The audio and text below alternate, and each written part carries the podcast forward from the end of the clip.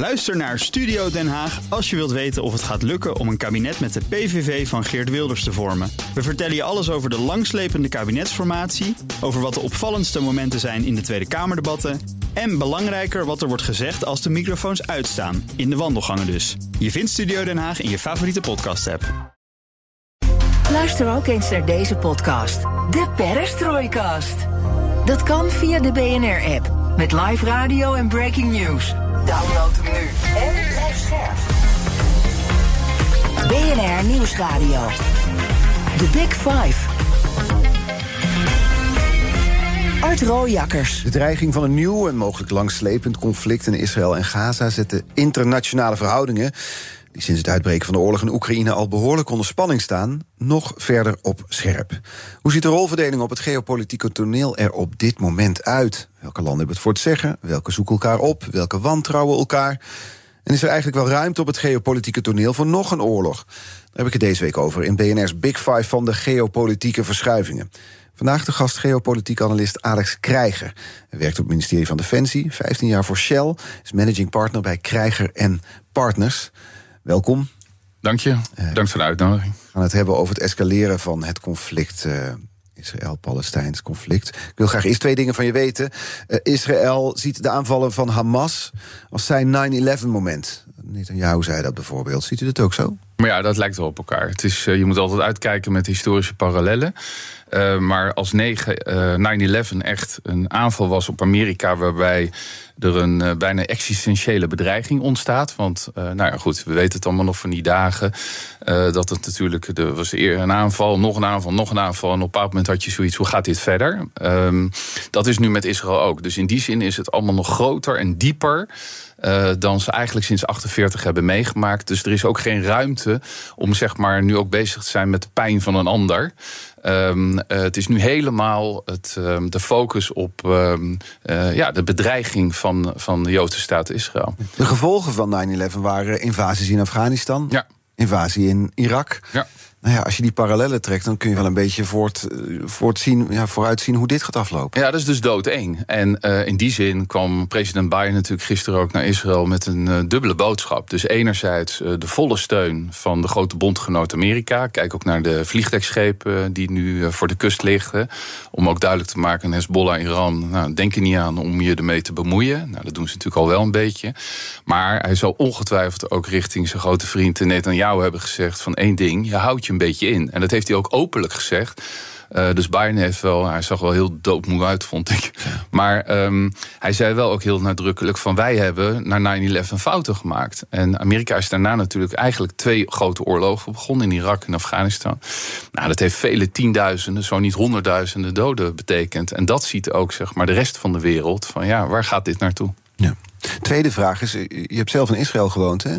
Ja, ja mijn vader kwam er vaak. En ja. we woonden daar in 74, 75. Dat was een jaar na de Yom Kippur-oorlog. Ja, ja, ja, jaar na Yom Kippur. En um, ja, goed, uh, ik was toen zeven. En dan kwam, uh, ja, als ik nu die beelden van Ashkelon zie... en ik ben er ook wel terug geweest... Uh, wij zwommen altijd in zee bij Ashkelon als kinderen. Mm. En ja, dat is nu een stad die natuurlijk zwaar wordt bestookt. en dat is iets wat we ook soms wel eens vergeten. We hebben het um, over een heel klein gebied. Weet je, Gaza is natuurlijk vreselijk. 2 miljoen mensen bovenop elkaar op een gebied van twee keer Texel. Maar Israël is ook de helft van Nederland. Uh, dus het is allemaal heel klein. En, en uh, Iran is 75 keer Israël. Dus je kan je bijna niet voorstellen wat betreft uh, ook proporties. De, de proporties. Ja, ja. We hadden het al over Biden. Hij zag er moe uit, maar hij is dus even heen en weer geweest. Even heen en weertje Israël, want dat was het. Meer niet. Andere nee. landen wilden hem niet meer ontvangen. Hij was niet meer welkom in Jordanië. Vanuit het Israëlisch oogpunt was het een succes, le lees ik vanochtend overal. Want er is geknuffeld met Netanyahu, heeft onderschreven dat het niet een Israëlische aanval was op het ziekenhuis. Dus dat verhaal, daar gaat hij in mee. Hoe, hoe kijkt de rest van het Midden-Oosten naar dat bezoek, denk je? Ja, ik denk in die zin toch wel wat anders. Het is voor Israël inderdaad ontzettend belangrijk dat de grote bondgenoot Amerika die steun geeft. En dat de president van Amerika langskomt in oorlogstijd. Dat is echt historisch ongekend. Ook wel gewoon hartstikke riskant. Uh, dus in die zin is dat voor Israël heel positief. Ja, in de regio is het natuurlijk allemaal hartstikke link. Want je hebt natuurlijk uh, de gematigde Arabische landen.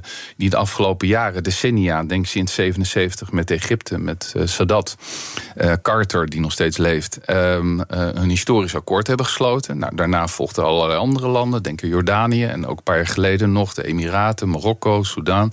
Dus een groot deel van de regio heeft eigenlijk een nieuwe relatie gevonden met Israël. Meer gericht of vrede.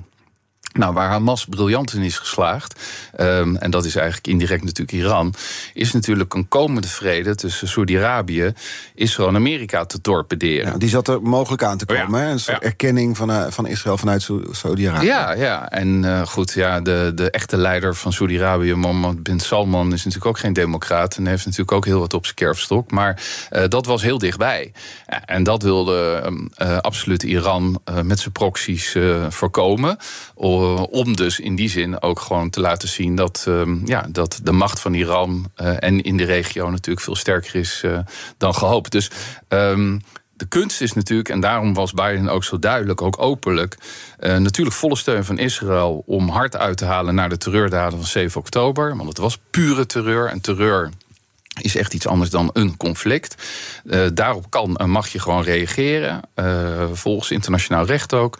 Uh, de kunst is alleen het op een manier te doen dat je natuurlijk niet nog meer onnodige burgerslachtoffers krijgt. En dat is natuurlijk heel moeilijk in een druk Gaza. Ja, zeker als je dus aan een grondoffensief gaat beginnen, wat toch de verwachting is dat dat maar, gaat komen. Het is er nog altijd niet. Nee. Uh, heeft het dan echt puur met diplomatie te maken dat je dat niet doet als Biden er is? Nu is Rishi Sunak weer uh, ja. in de regio, dus ja. daar wordt dan op gewacht? Ja, ik denk het wel. Ik denk echt dat ze wachten op de diplomatie. Dat vindt Israël enerzijds natuurlijk niet zo fijn, want uh, er zijn een paar honderdduizend militairen gemobiliseerd. 360.000? 360.000, ja, die kan je niet, ook niet eeuwig laten wachten. En nou, de geschiedenis heeft ook aangetoond dat dat vaak ook niet werkt. Uh, als je oh, nee? mobiliseert en maar blijft mobiliseren, op een bepaald moment gaat het gewoon op een bepaald moment natuurlijk ook gewoon mis.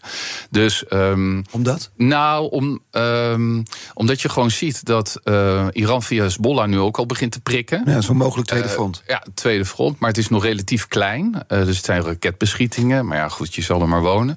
Um, maar de, het volle te, open tweede front is nog niet gestart. Maar ik denk wel dat Biden, Blinken, respect voor met name Blinken, wat hij allemaal heeft gedaan. en vooral dus de gematigde Arabische landen ongelooflijk bezorgd zijn dat als er Israël er echt massief ingaat met een grondoorlog, waardoor er dus niet duizenden, maar misschien tienduizenden doden gaan vallen, ja, dan opent Iran gewoon via Hezbollah een tweede front. En dan heb je echt een grote regionale oorlog. En dat wil Biden goed, goed voorkomen. Ja, en dus was hij daar en heeft hij dat. Ja, wat, wat kan hij dan doen? Ik kan moeilijk zeggen, nou, luister naar mij, jullie mogen niet naar binnen trekken. Alsof Israël zich er ook maar iets van aantrekt. Ja, ik denk dat uh, Netanyahu luistert echt wel naar Biden, omdat het niet anders kan. uh, maar uh, als Iran via Hezbollah, Hamas, Syrië, Libanon, dus de vriendjes, uh, de boel gaat oppoken, dan kan het echt heel riskant zijn. En als je ook gewoon, de kunst laten het een beetje positief houden, maar Uh, als je kijkt ook naar de, de analisten in Amerika, de militair analisten, die schatten het echt de kans op een open tweede front 50-50 op dit moment. Dus het is heel gebalanceerd, moet je opletten. En dat, is echt de reden dat Israël nog wacht met het grondoffensief om echt eerst te focussen op die gijzelaars. Er moet iets bedacht worden voor die gijzelaars. Nou, daar ligt de sleutel, denk ik, in Qatar, het kleine Qatar, een kwart van Nederland, waar hebben we het over. Wel de grootste Amerikaanse legerbasis buiten de VS zo'n beetje. Ontzettend belangrijk land. En uh, dus we moeten Qatar ook weer niet op één lijn zetten met Iran. Want dat is het dus ook weer niet. Qatar probeert met iedereen vriendjes uh, te En die willen nu bemiddelen, hè? Ja, ja die zit, dat is echt een soort uh, ja, Oman, zeg maar. Dus probeert echt met iedereen vrienden in de regio te zijn. Maar het is natuurlijk eigenlijk wel absurd. Want we praten over een heel klein land. Maar die belangen zijn gigantisch. En dat hebben we allemaal zelf gedaan. Denk aan olie, gas. Maar ook ja, de, het nieuws van vandaag. Groot deal van Shell, mijn oude werkgever, met Qatar. Voor het leveren van gas naar ons. En waarom? Omdat wij geen Russisch gas gas meer willen. Maar dat betekent wel dat we ons weer nog afhankelijker maken van een land als Qatar. En je moet het echt zo zien dat daar dus een deal is gesloten de afgelopen dagen op het gebied van Europa en LNG. En dan op de hoek van de straat zit daar de minister van Buitenlandse Zaken van Iran met de Hamas-leiding. Zo ziet die wereld in elkaar. Dat is natuurlijk bizar. Ja. Uh, met al die diplomatieke kanalen die dwars door elkaar heen lopen. Het is een wespennest op dit moment. Ja, wat, als, als we naar dat tweede front kijken, ja. dat vind ik interessant waar we het over hadden. Dan zeggen militaire analisten in Amerika zeggen, ik schat die kans nu 50-50. Ja. Waarom zou Hezbollah, gesteund door Iran, niet een tweede front beginnen? Omdat ze dan de volle laag krijgen. Dus het is in hun belang, want dat weten ze uit geschiedenis. Want 2006 is er een grote confrontatie geweest, een oorlog tussen Hezbollah en Israël. En toen heeft Israël heel hard uitgehaald. Um, uh, Israël nu dus na de terreurdaden van 7 oktober dus niet... ja, het is, het is een behoorlijke uh, reactie, hè, honderden doden, duizenden doden. Maar als Hezbollah een vol front zou openen... Uh, denk dan ook aan de twee vliegtuigschepen van de Amerikanen die daarvoor liggen. Die gaan zich niet mee bemoeien, maar dat is meer een soort uh, morele steun. Dan gaat Israël echt snoei en snoeihard uithalen. En dan, ja, dan heb je een volle oorlog. Maar kan Israël dat? Want ja. er zijn dus die troepen nu in het zuiden allemaal gestationeerd. Ja. Dus met andere woorden, je zou ook kunnen redeneren... dat land is nu gefocust op Gaza dit is het moment om toe te slaan. Ja, Israël kan dat. Uh, want daar is het wel op voorbereid. Kijk ook naar de geschiedenis. Heeft grote oorlogen al meegemaakt. Het is in 48 natuurlijk, toen het, uh, de onafhankelijkheid werd uitgeroepen, aangevallen door alle buurlanden. Uh, dan heb je de oorlog in 56 gehad. Dan heb je 67 de grote oorlog, de Zesdaagse oorlog gehad. Die ze natuurlijk dik gewonnen hebben. China over het Westbank, Golan. En dan 73 die hele moeilijke oorlog. Die dus precies 50 jaar geleden. Mm -hmm. Niet toevallig, denk ik, precies 50 jaar geleden. Um, waarbij het voor Israël heel spannend is geworden. Dus uiteindelijk lukt Israël dat, dat wel met uh, de steun van Amerika, militair, et cetera. Wat je niet moet hebben is een derde front. Daar hebben we het niet over. Maar het kan natuurlijk in de Westbank helemaal misgaan. Dus er wordt natuurlijk veel geklaagd over uh, Abbas, de president van de Palestijnse autoriteit op de Westbank, die alleen nog maar iets te vertellen heeft over de Palestijnen op de Westbank en niks over Gaza en elders.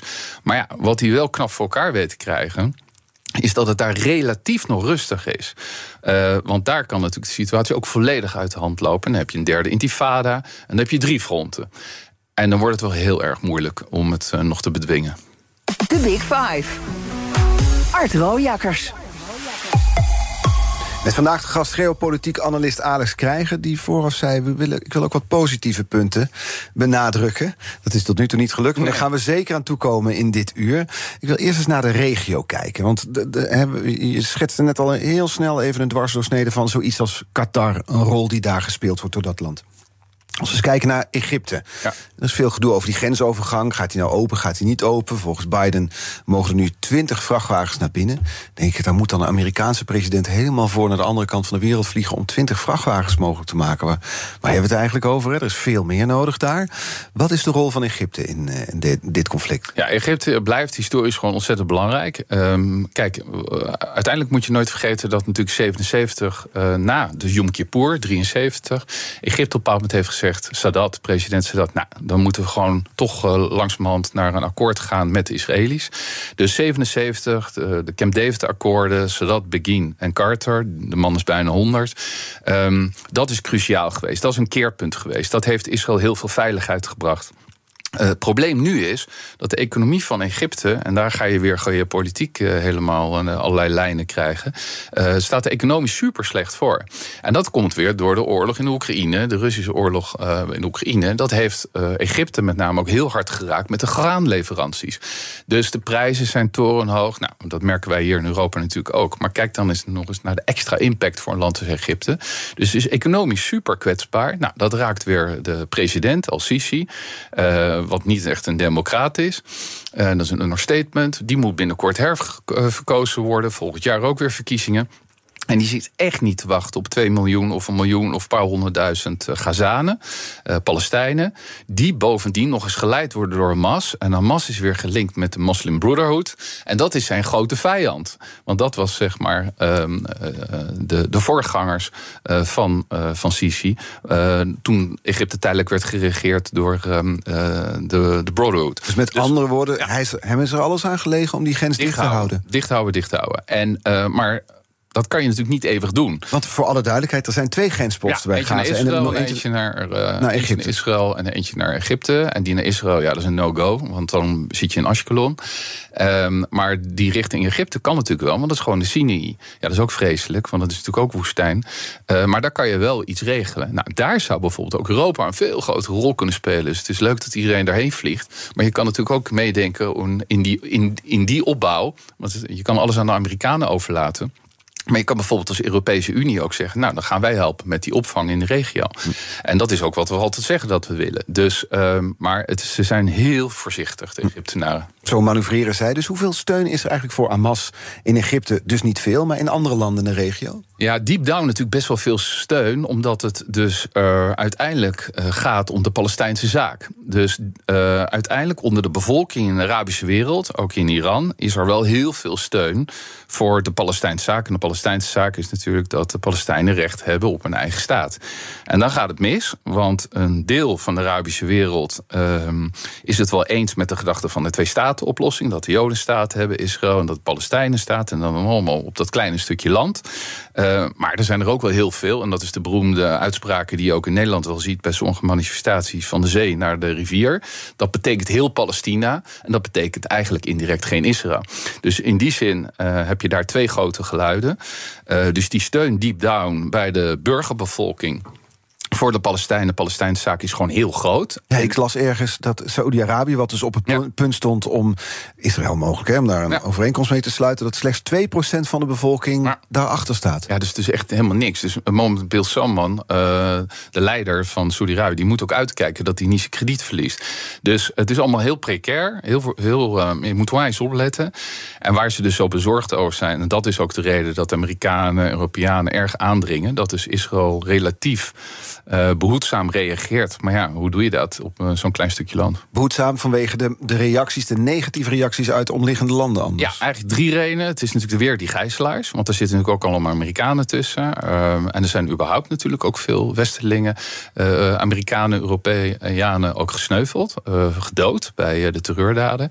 Eerst die gijzelaars vrij, iets daarvoor regelen vanuit Qatar. Denk bijvoorbeeld aan de kinderen, de vrouwen, de ouderen. Daar moet iets te bedenken zijn. Um, maar het is natuurlijk niet alleen die gijzelaars. Het is volgens ook als Israël vol erin gaat met een grondoffensief... dan krijg je nog heel veel meer slachtoffers. Mm -hmm. En daarmee verspil je. Dat is vreselijk. Dus dat is een reden. Maar daarnaast dan ook verdeel, uh, verspil je het krediet in de Arabische wereld. Ja. Dat is dan in de Arabische wereld. Als we nog iets breder trekken, kijken we even naar de internationale gemeenschap. Ja. Gisteren, VN-veiligheidsraad, was weer een motie. Er is nog steeds geen veroordeling van de aanval door, uh, door Hamas. Door de VN-veiligheidsraad. Gisteren was er een motie, werd gevetood door de Verenigde Staten. Ja. Deze keer omdat dan niet het zelfverdedigingsrecht van Israël expliciet in werd benoemd. Wat zegt dat nou? Ja, dat zegt heel veel. Want op zich was het eigenlijk een prima motie. Volgens mij ingediend door Brazilië. Een van de leiders van de Global South, het mondiale zuiden.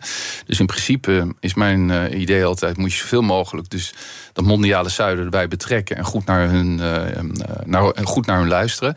Maar ja, dan gaat het dus mis om uh, wat betreft de status voor Israël. Dus het, het, recht van Israël. Um, ja, wat dat zegt is dat het systeem niet meer werkt. Kijk, we hebben natuurlijk nog steeds anno 2023... wat is het, ruim driekwart eeuw na de Tweede Wereldoorlog, zitten we nog steeds met een internationale orde die aan het eind van de Tweede Wereldoorlog is opgebouwd, met name door de Amerikanen. Nou, allemaal goed bedoeld, want de Amerikanen hadden na de Eerste Wereldoorlog gezien dat het een zootje werd. Dus die dachten aan het eind van de Tweede Wereldoorlog moeten voorkomen dat het nog een keer misgaat. Dus wij bemoeien ons met het oprichten en het inrichten van die nieuwe internationale orde. Nou, denk aan de VN, IMF, Wereldbank, WTO, WHO, al die dingen die allemaal nog bestaan.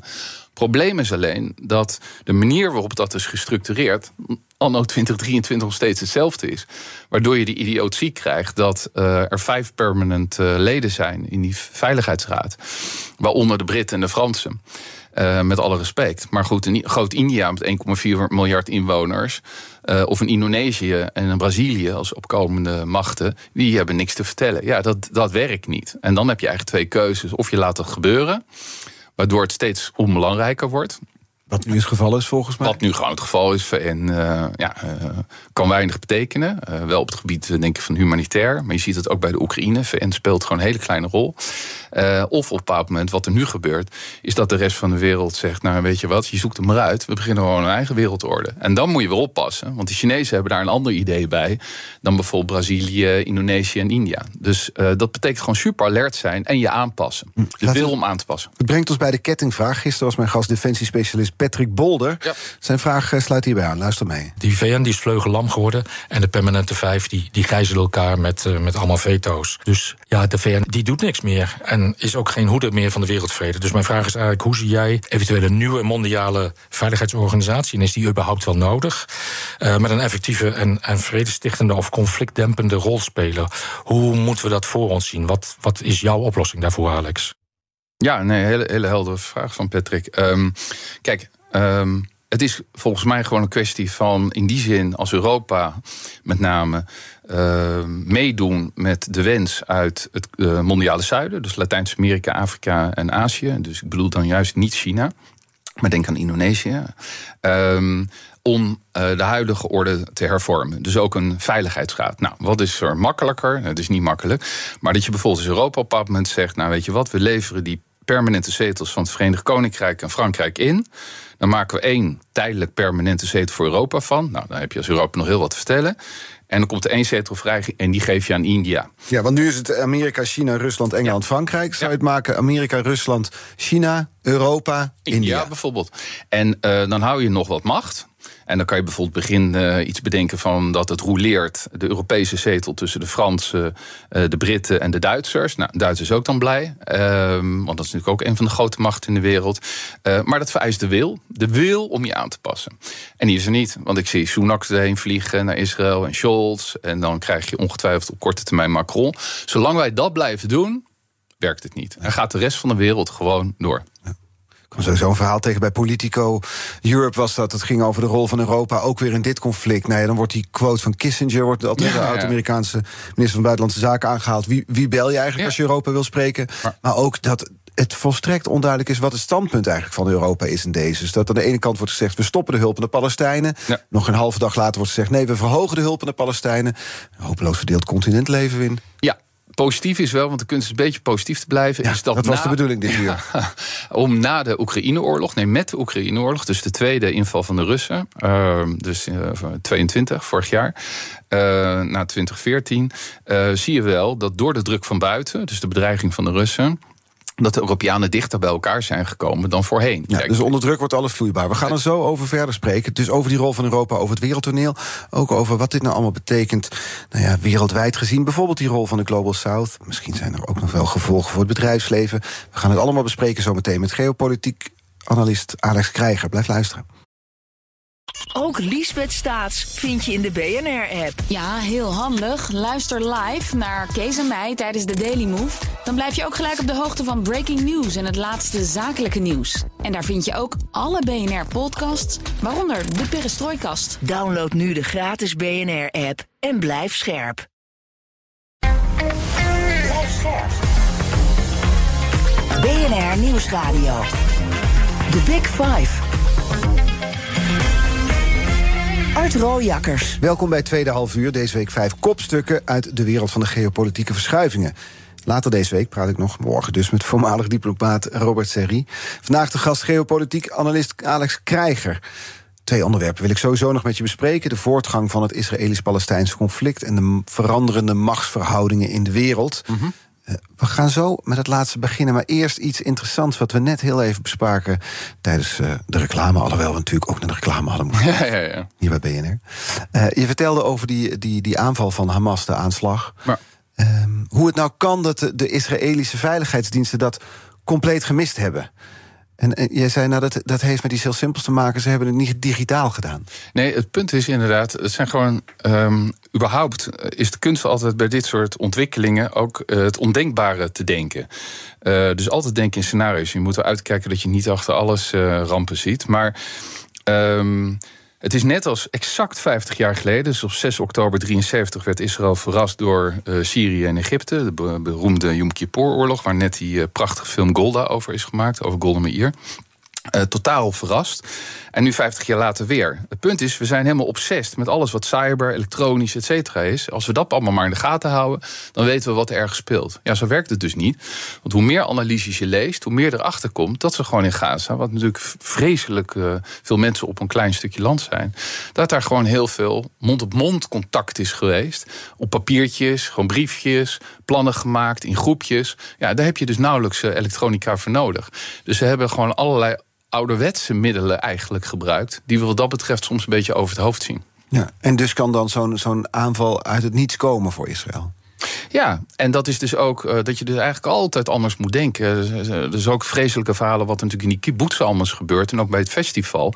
Kijk, in Israël zijn er in een huis appartementen heel veel schuilkelders. Maar die zijn bedacht voor raketaanvallen. Maar niet dat er iemand in je huis komt. Dus wat zit er niet in die schuilkelders? Een slot aan de binnenkant. Dus er zijn heel veel mensen, en dat wordt allemaal nog bekend. Er wordt nog heel veel bekend over dat er vreselijke dingen gebeurd zijn in die schuilkelders. Uh, omdat niemand heeft bedacht, goh, misschien is het wel handig om ook eens te denken aan een slot aan de binnenkant. Dus uh, dat soort zaken komen. We, denken vaak veel te eendimensionaal over bedreigingen. En de kunst is altijd heel breed te denken. Niet overal spoken te zien aan bedreigingen. Maar, de, uh, maar wel uh, ja, in ondenkbare scenario's bijna. Ja. Nou, als we het dus heel, heel breed gaan kijken, dan gaan we weer naar de ja. geopolitiek. We hadden het over de rol van Europa. Uh, het feit dat Europa ook hierin weer hopeloos verdeeld lijkt te zijn. Dat niet duidelijk is wie je eigenlijk moet spreken. Uh, Europa spreekt niet met één mond. Nu is weer Rishi Sunak daar.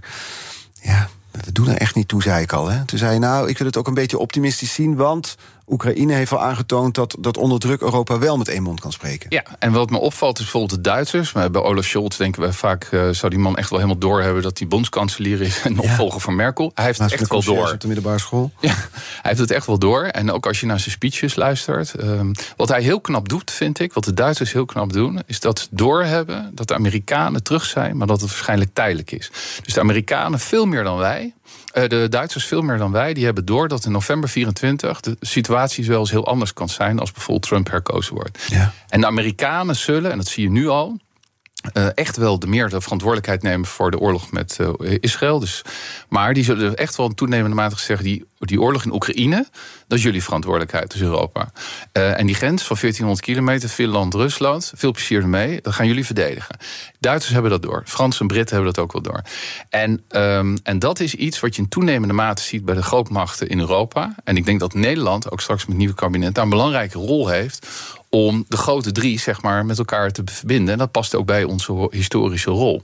Dus dan heb je ook meer die mogelijkheid om internationaal sterk speler te worden. Scholz zei ook laatst in Straatsburg volgens mij... we moeten bescheiden zijn in Europa. Want um, we vertegenwoordigen op dit moment nog geen 6% van de wereldbevolking. Dus 64% van de wereld woont niet in de EU. Nou, dat heeft hij door, dat zegt hij ook hardop. Hij zegt daarom moeten wij nieuwe strategische partnerschappen aangaan... met de Global South, de landen in de Global South. Latijns-Amerika, Afrika en Azië. Um, en die hebben we ook nodig, want het is heel simpel. We hebben enorme ambities op het gebied van digitalisering... en vooral energietransitie. Uh, denk aan batterijen.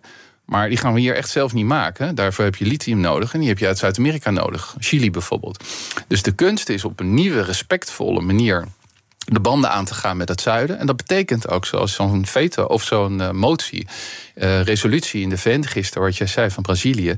Ja, probeer daar dan heel strak, uh, strategisch mee om te gaan. En ook bij het betrekken van Oekraïne hoe verder, maar ook met Israël. Ik volg ook heel goed wat bijvoorbeeld in India en Indonesië over na wordt gedaan. Betrek ze erbij, want uiteindelijk gaat je dat ook zelf helpen. Ja, je, je zei al, wij kijken natuurlijk met een eurocentrische blik naar dat wat er in het Midden-Oosten gebeurt of wereldwijd gebeurt.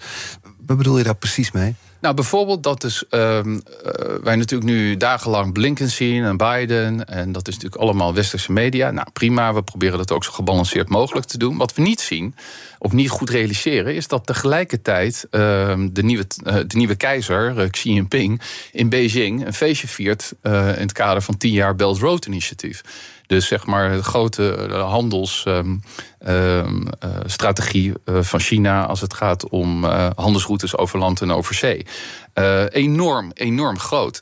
Uh, er waren vertegenwoordigers uit meer dan 100 landen aanwezig. Waaronder uh, Orbán, die, altijd de loose cannon in Europa. Um, ondertussen Poetin was er, hè? Die was er, Poetin was er. Um, en dat is een andere realiteit. En daar werd ook heel veel gesproken over het Midden-Oosten. En er is gewoon een link tussen China en Egypte. Egypte wordt straks lid van de BRICS. Wij doen al een beetje schamper over die BRICS, een beetje rommeltje. Ze mogen elkaar helemaal niet Ja, onderling. BRICS is dan Brazilië, Rusland, India, Ja. China. en, en eh, Zuid-Afrika. En, ehm, en dat is een machtsblok wat steeds groter wordt. Nou, daar gaan vanaf 1 januari aan staan. Komt Egypte erbij, komt eh, de Emiraten erbij, Saudi komt erbij, Iran komt erbij. Nou, die komen allemaal in dat blok wat de Chinezen heel graag willen domineren. Maar India zegt nee, dat willen we niet. Maar als wij niet onze hand reiken naar landen als India, dan gebeurt dat. Dus de kunst is dat je eigenlijk de ongebonden landen, denk aan de Koude Oorlog, de twee grote blokken, het oosten en het westen. Er was altijd een derde blok. De ongebonden landen, zeg maar de oud-kolonies. In het zuiden van de wereld. Die worden steeds machtiger. Er is al meer dan 3 miljard mensen op dit moment. En wij praten daar een beetje eh, schamper over. We hebben het erover, eh, als we willen backpacken, dan gaan we naar Zuid-Amerika. Nee, niet backpacken alleen. Je moet daar gewoon enorme economische, strategische focus op richten. Want Dat wat is het risico als je dat niet doet? nou, dan gaat überhaupt die hele energietransitie in Europa nooit lukken. Want waar ga je grondstoffen vandaan halen eh, als Europa, als je het niet maar uit China wil halen? We zijn natuurlijk economisch een grootmacht. Maar we zijn geopolitiek een dwerg. We zijn voor veiligheid volledig afhankelijk van Amerika. Kijk naar eh, Oekraïne, Israël. Energie volledig afhankelijk ge- geworden van eh, de Russen en Arabieren. En qua industrie vanuit Azië, denk aan China. Nou, we hebben wake-up calls gehad. Eh, denk aan de mondkapjes, maar ook meer dan dat. Nou, dat begint te kenteren. En dat hebben denk ik die Duitsers, Fransen en Britten goed door. En daar moeten wij bij aanhaken als Nederland. En dat blijven we lastig vinden. Ja, want nu is het zo dat wij eh, nog op zoek zijn binnen Europa naar een soort consensus. Ja, absoluut. Ja. En ik denk dus dat wij soms een beetje op de rem stappen als Nederland. En dan vriendjes zoeken met Denemarken, de Balten, et cetera. Dat is allemaal prima. Maar de kunst is dat je ehm, je nog meer richt als Nederland. En dat is iets voor het nieuwe kabinet. Nog meer richt op Berlijn, Parijs en Londen. En voor ons is de truc Londen erbij houden. Dus dat het niet een EU-verhaal wordt, maar een Europees verhaal. Want die Britten en Nooren heb je nodig. De Noordzee heb je nodig. Dat is dan over Europa. Kijken we eens naar de oosterburen, Rusland. Poetin heeft echt goede tijden op het moment, volgens mij. Ja, het is, het is natuurlijk bizar dat eh, de onruststokers in de wereld, de autocraten, eh, dus de belangrijkste drie is dan China, Rusland en Iran, eh, die zien hoe het Westen weer wordt getest. Nou, dat doen zij. En daar zijn ze al lange tijd mee bezig. Dat doen ze overal op de wereld. Dus het Westen testen. Ehm, of het nou Oekraïne is of met, met Hamas. Ehm, bij Rusland moeten we een beetje oppassen dat die toch wel anders in de wedstrijd zitten dan Iran. Want ehm, er zijn zo'n, ik zeg maar wat, 7,5 miljoen Joden in, eh, in Israël. En een groot deel daarvan, als ik me niet vergis, 1,6, 1,7 miljoen heeft Russische wortels. En Netanyahu en Poetin kunnen het wel goed met elkaar vinden. Dus het is ook weer niet zo dat Rusland hier heel blij mee is. En historisch gezien heeft Rusland altijd grote argwaan met Iran. Eh, dus wat dat betreft moeten we een beetje oppassen dat niet op één lijn te zetten. Maar onrust en gedoe en dat de Westen het moeilijk heeft, dat vinden ze natuurlijk prima. Ja, en maken we het Rusland ook wel makkelijk, hè? Want de eurocommissaris van Uitbreiding kondigde aan... ik vond het toch wel een typerend voorbeeld dan... gelden van bijna 700 miljoen euro aan de Palestijnse gebieden te bevriezen. Een paar uur later werd hij door een collega-eurocommissaris teruggefloten. Nee, we gaan juist meer steun bieden. Dat geeft wel aan hoe verdeeld Europa is... en hoe makkelijk het is dus voor Poetin om ja, eigenlijk achterover te hangen. Ja, zeker. En zij kijken dus altijd. Het voordeel van autocraten, om het zo maar te zeggen, is dat ze nooit rekening hoeven te houden met de publieke opinie op de korte termijn, wel op de lange termijn. Dus ze hebben altijd dus de lange aarden. Eh, het positieve is ehm, dat uiteindelijk, wat we nooit moeten vergeten, de democratieën ehm, hebben het fascisme verslagen, hebben het communisme verslagen. In zekere zin ook na 9-11, zeg maar, eh, de islam-extremistische terreur. En ook dit zal wel weer lukken. Maar het vereist wel dat we veel meer bezig zijn met wat er in die wereld gebeurt. En als je ook kijkt in de aanloop naar de verkiezingen in Nederland 22 november. We zijn obsessief met allemaal dingen die in Nederland alleen spelen. Ik snap het hoor, bestaanszekerheid, echt big issue. Maar de wereld is wel een beetje groter. Ja. En dus zou er meer aandacht voor mogen zijn in de verkiezingsstrijd straks? Ja, zeker. Ja, want ik zie toch vaak eh, ehm, in de debatten en ook in de verkiezingsprogramma's, weet je, het buitenland bungelt er een beetje bij. Maar je kan je niet als klein Nederland achter de dijk en duinen verstoppen. Eh, dat willen we heel graag, want historisch hebben we dat eigenlijk ook altijd een beetje gedaan. Eh, maar zo werkt het niet. De wereld dringt zich aan ons op. Zeker, want uiteindelijk, al die binnenlandse thema's van 22 november hebben een internationale component. Komt allemaal, die prijsstijging, et cetera, heeft, heeft allemaal te maken met wat ik dan de drie C's noem: klimaat, ehm, eh, corona en eh, het conflict in Oekraïne. Ook Bas van Werven vind je in de BNR-app. Ja, je kunt live naar mij en Iwan luisteren tijdens de ochtendspits. Je krijgt een melding van Breaking News. En niet alleen onze podcast Ochtendnieuws, maar alle BNR-podcasts vind je in de app. Download nu de gratis BNR-app en blijf scherp. BNR Nieuwsradio. The Big Five. Art Rojakkers. Je luistert naar BNR's Big Five van de geopolitieke verschuivingen. Eerder deze week sprak ik met historicus Hubert Smeets. Het is allemaal terug te luisteren via onze app of de bekende podcastkanalen. Vandaag de gast geopolitiek analist Alex Krijger. We hebben het over Rusland gehad, we hebben het over de Global South gehad... we hebben het over Europa gehad, we hebben het over Midden-Oosten gehad. De hele wereld is zo'n beetje voorbij gekomen. En in de zijlijn noemden we Xi Jinping... met het grote Belt Road Initiative... die bijeenkomst daar in eh, Peking... waar zo'n 100 landen aanschoven. Um, maar hoe kijkt ja, China naar dat wat er nu in het Midden-Oosten gebeurt? En kunnen zij een rol spelen, bijvoorbeeld in het oplossen van zo'n conflict? Ik denk zeker dat China een rol kan en wil spelen. Ze hebben ook uh, in die zin al enige tijd geleden uh, succesvol Iran en Saudi-Arabië bij elkaar gebracht. De grote rivalen in het Midden-Oosten.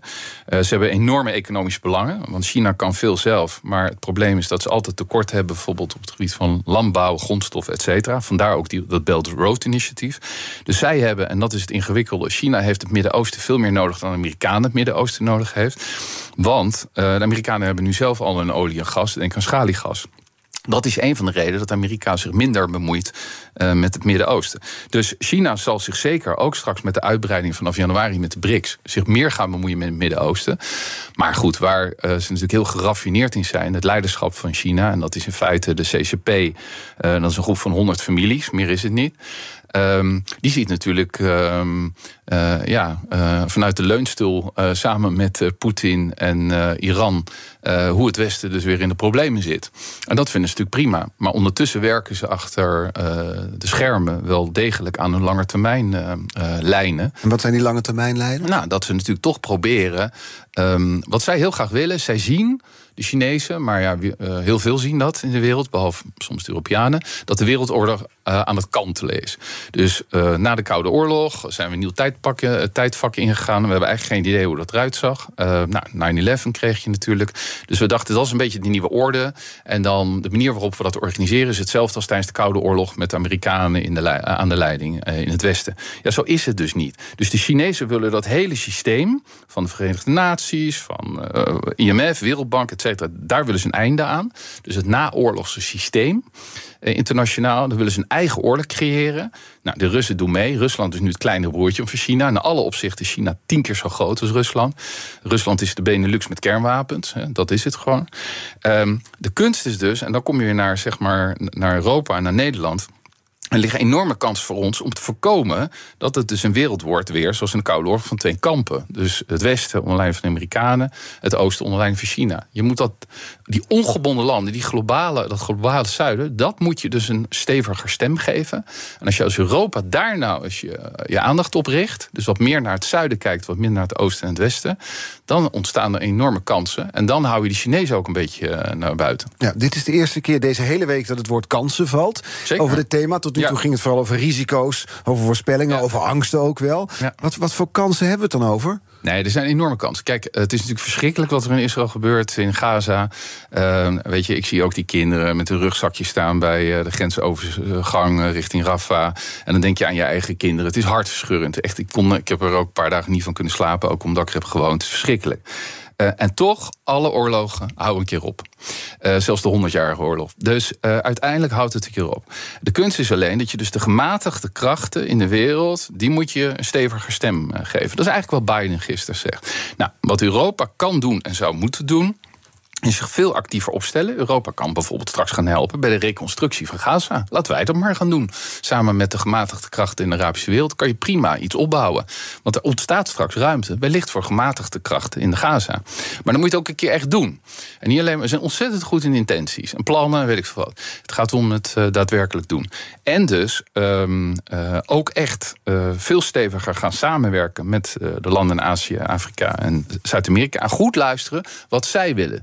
Niet dat wij, wat wij willen, mm -hmm. maar waar zij behoefte aan hebben. En dan kan je een heel eind komen. En bedrijven in Nederland, wat ik zie, grote bedrijven, maar ook veel MKB, hebben feilloos door dat de wereldorde is gekanteld. Het is alleen vaak op beleidsniveau, met alle respect op, voor de ministeries, ook in Nederland en in Brussel. Uh, daar heeft men het soms wat minder goed door. Dus ik zie dat uh, jonge generaties, want daar moeten we ook positief voor blijven, vind ik. Laten alsjeblieft niet alleen maar gaan somber en cynisch worden. Want ja, dat is geen fijn signaal voor onze jonge mensen in Nederland ook. Er is perspectief. Die focus die we willen als Nederland in Europa. Groener, uh, digitaler, veiliger, eerlijk. Dat kan prima. Um, dat heeft enorme kansen. En daarvoor heb je dus die aansluiting nodig met uh, andere delen van de wereld. Ja, dat is een helder verhaal. Dan zeg je, er is een kantelende wereldorde.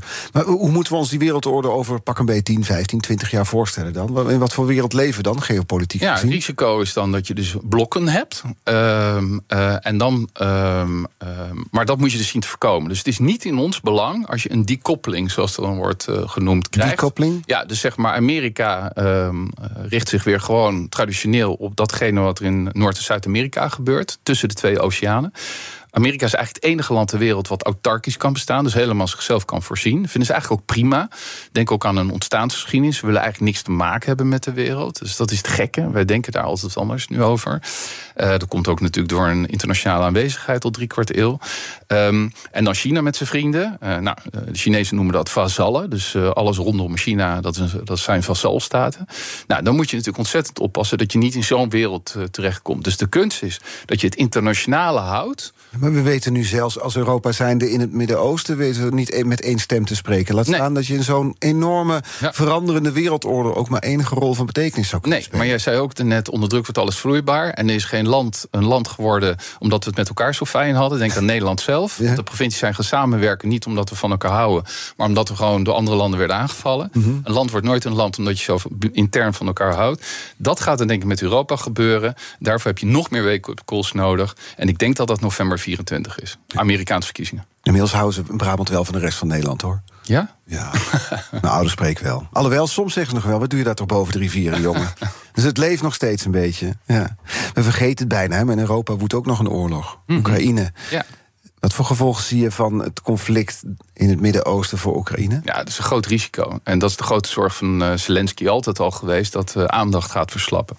Um, en Macron die heeft hem gebeld, Zelensky, van nee, we blijven steunen. Dan denk ik, nou, kijk naar de cijfers. Frankrijk heeft niet veel gedaan. Um, als het gaat om echte financiële militaire steun, wel wat gedaan, maar niet zoals de Amerikanen en de Duitsers.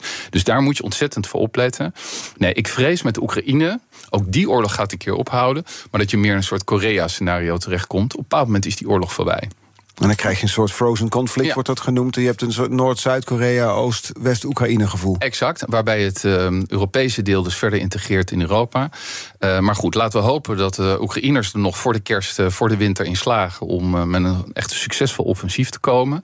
Um, en dat is denk ik heel belangrijk. En laten we ook hopen dat op een bepaald moment in Sint-Petersburg en in Moskou de steun voor Poetin gaat afnemen. Maar zolang de kinderen van de elite niet hoeven te vechten, want dat is de realiteit, zal. Je dat? Nou, de, al die jongens die omkomen, dat zijn de jongens zeg maar uit de regio's in de gebieden die ik ken van Risk uh, vroeger, uh, in het oosten van Rusland. En dat is vreselijk. Die spreken soms niet eens Russisch. Um, en de elite hoeft hun zonen niet te sturen. Dus het is verschrikkelijk. Het is ontzettend cynisch. Um, dus het doet nog geen pijn. Russen in Moskou kunnen ook prima nu over in restaurants eten, want de roebel is laag. Dus ik vraag altijd aan Rusland-experts: um, hoe is de situatie in Moskou en Petersburg? Want daar gaat het om. Als het daar gaat draaien dan gaat Poetin zijn steun verliezen. En wat ook kan, en dat is ook altijd fijn, uh, vooruitzicht hopelijk in een autocratie. Uh, kijk ook naar de Russische regering. Russisch verleden, dat een tsaar die kan van de ene dag op de andere verdwijnen. Ja, maar en hoe is de situatie in Moskou en Petersburg? Helaas nog te goed Ja. um, uh, voor de mensen daar. Dus uh, ze moeten nog meer pijn gaan leiden. Ja, zo wrang is het. Um, maar uiteindelijk komt er denk ik wel iets van perspectief voor Oekraïne. En ook daar achter de schermen zijn met name de Duitsers en Fransen al lang bezig. De kettingvraag mag je weer doorpassen. Morgen is mijn gast ex-diplomaat Robert Serri. Uh, je mag hem dus een, een, vraag voorleggen. Wat zou je van hem willen weten? Ja, ik ben wel benieuwd met zijn enorme ervaring... dat uh, nou, de Gaza-oorlog gaat op een bepaald moment... deze oorlog gaat ook op een bepaald moment ook wel weer uh, voorbij. Um, hopelijk zo snel mogelijk met al die vreselijke consequenties voor burgers. En ik ben benieuwd of hij het een denkbaar scenario acht dat de Palestijnse autoriteit, die het op dit moment een beetje voor het zeggen heeft op de westelijke Jordaan-oever, op termijn ook een belangrijke rol kan vervullen bij de opbouw weer van, uh, van Gaza. Ik ga het er morgen voorleggen. Waar ga je zelf de komende tijd op letten? We hebben de, de lange lijnen hebben we proberen door te nemen. Dus de, de, risico's die er zijn, maar ook de kansen die er zijn. Maar als we nu weer terugkeren naar het nieuws van deze dagen... wat is nu... Ja, wat, jij kijkt met een andere blik, je probeert voorbij dat nieuws te kijken. Waar ga je op letten? Um, de reacties in het Midden-Oosten uh, ten aanzien van uh, wat er gaat gebeuren... met een mogelijke grondoorlog en Hezbollah... dat blijft dus echt trick, tricky. 50, 50 procent dat de boel uit de hand loopt. En hoe daar alle spelers spelers uh, zich gaan bewegen. Uh, met name ook bijvoorbeeld China. Uh, maar ook een land als India, uh, wat volle steun heeft gegeven aan Israël. Dat zijn we helemaal vergeten. Maar Modi heeft vol steun gegeven aan Israël. Omdat hij snapt dat het anders helemaal uit de hand kan lopen. En ondertussen wel steeds zeggen van je moet het op een manier doen... zodat het uh, regionaal niet ontbrandt. Daar gaan we op letten de komende dagen. We, gaan met je meekijken. Alex Krijger, geopolitiek expert, nam ons het afgelopen uur mee... in een rondje over de wereld. Het was verhelderend en het was soms ook nog wel ergens een, een kansrijk verhaal... waar we ons dan maar aan vastklampen. Um, onze afleveringen zijn terug te luisteren. Je kunt je abonneren op onze podcast via onze app. Je kan ook je podcastkanaal gebruiken waar je aan gewend bent. Maar die app is fijn hoor. Hoef je geen aflevering te missen. Nu op deze zender, hij is er echt. Thomas van Zeil met BNR Zaken doen. Tot morgen. Ook Diana Matroos vind je in de BNR-app. Ja, inderdaad. Je kunt live naar mij luisteren tijdens de Big Five. Ook handig in de BNR-app. Breaking nieuwsmeldingen, maar ook het allerlaatste zakelijke nieuws. En je vindt in de app alle BNR-podcasts, waaronder Wetenschap Vandaag. Download nu de gratis BNR-app en blijf scherp.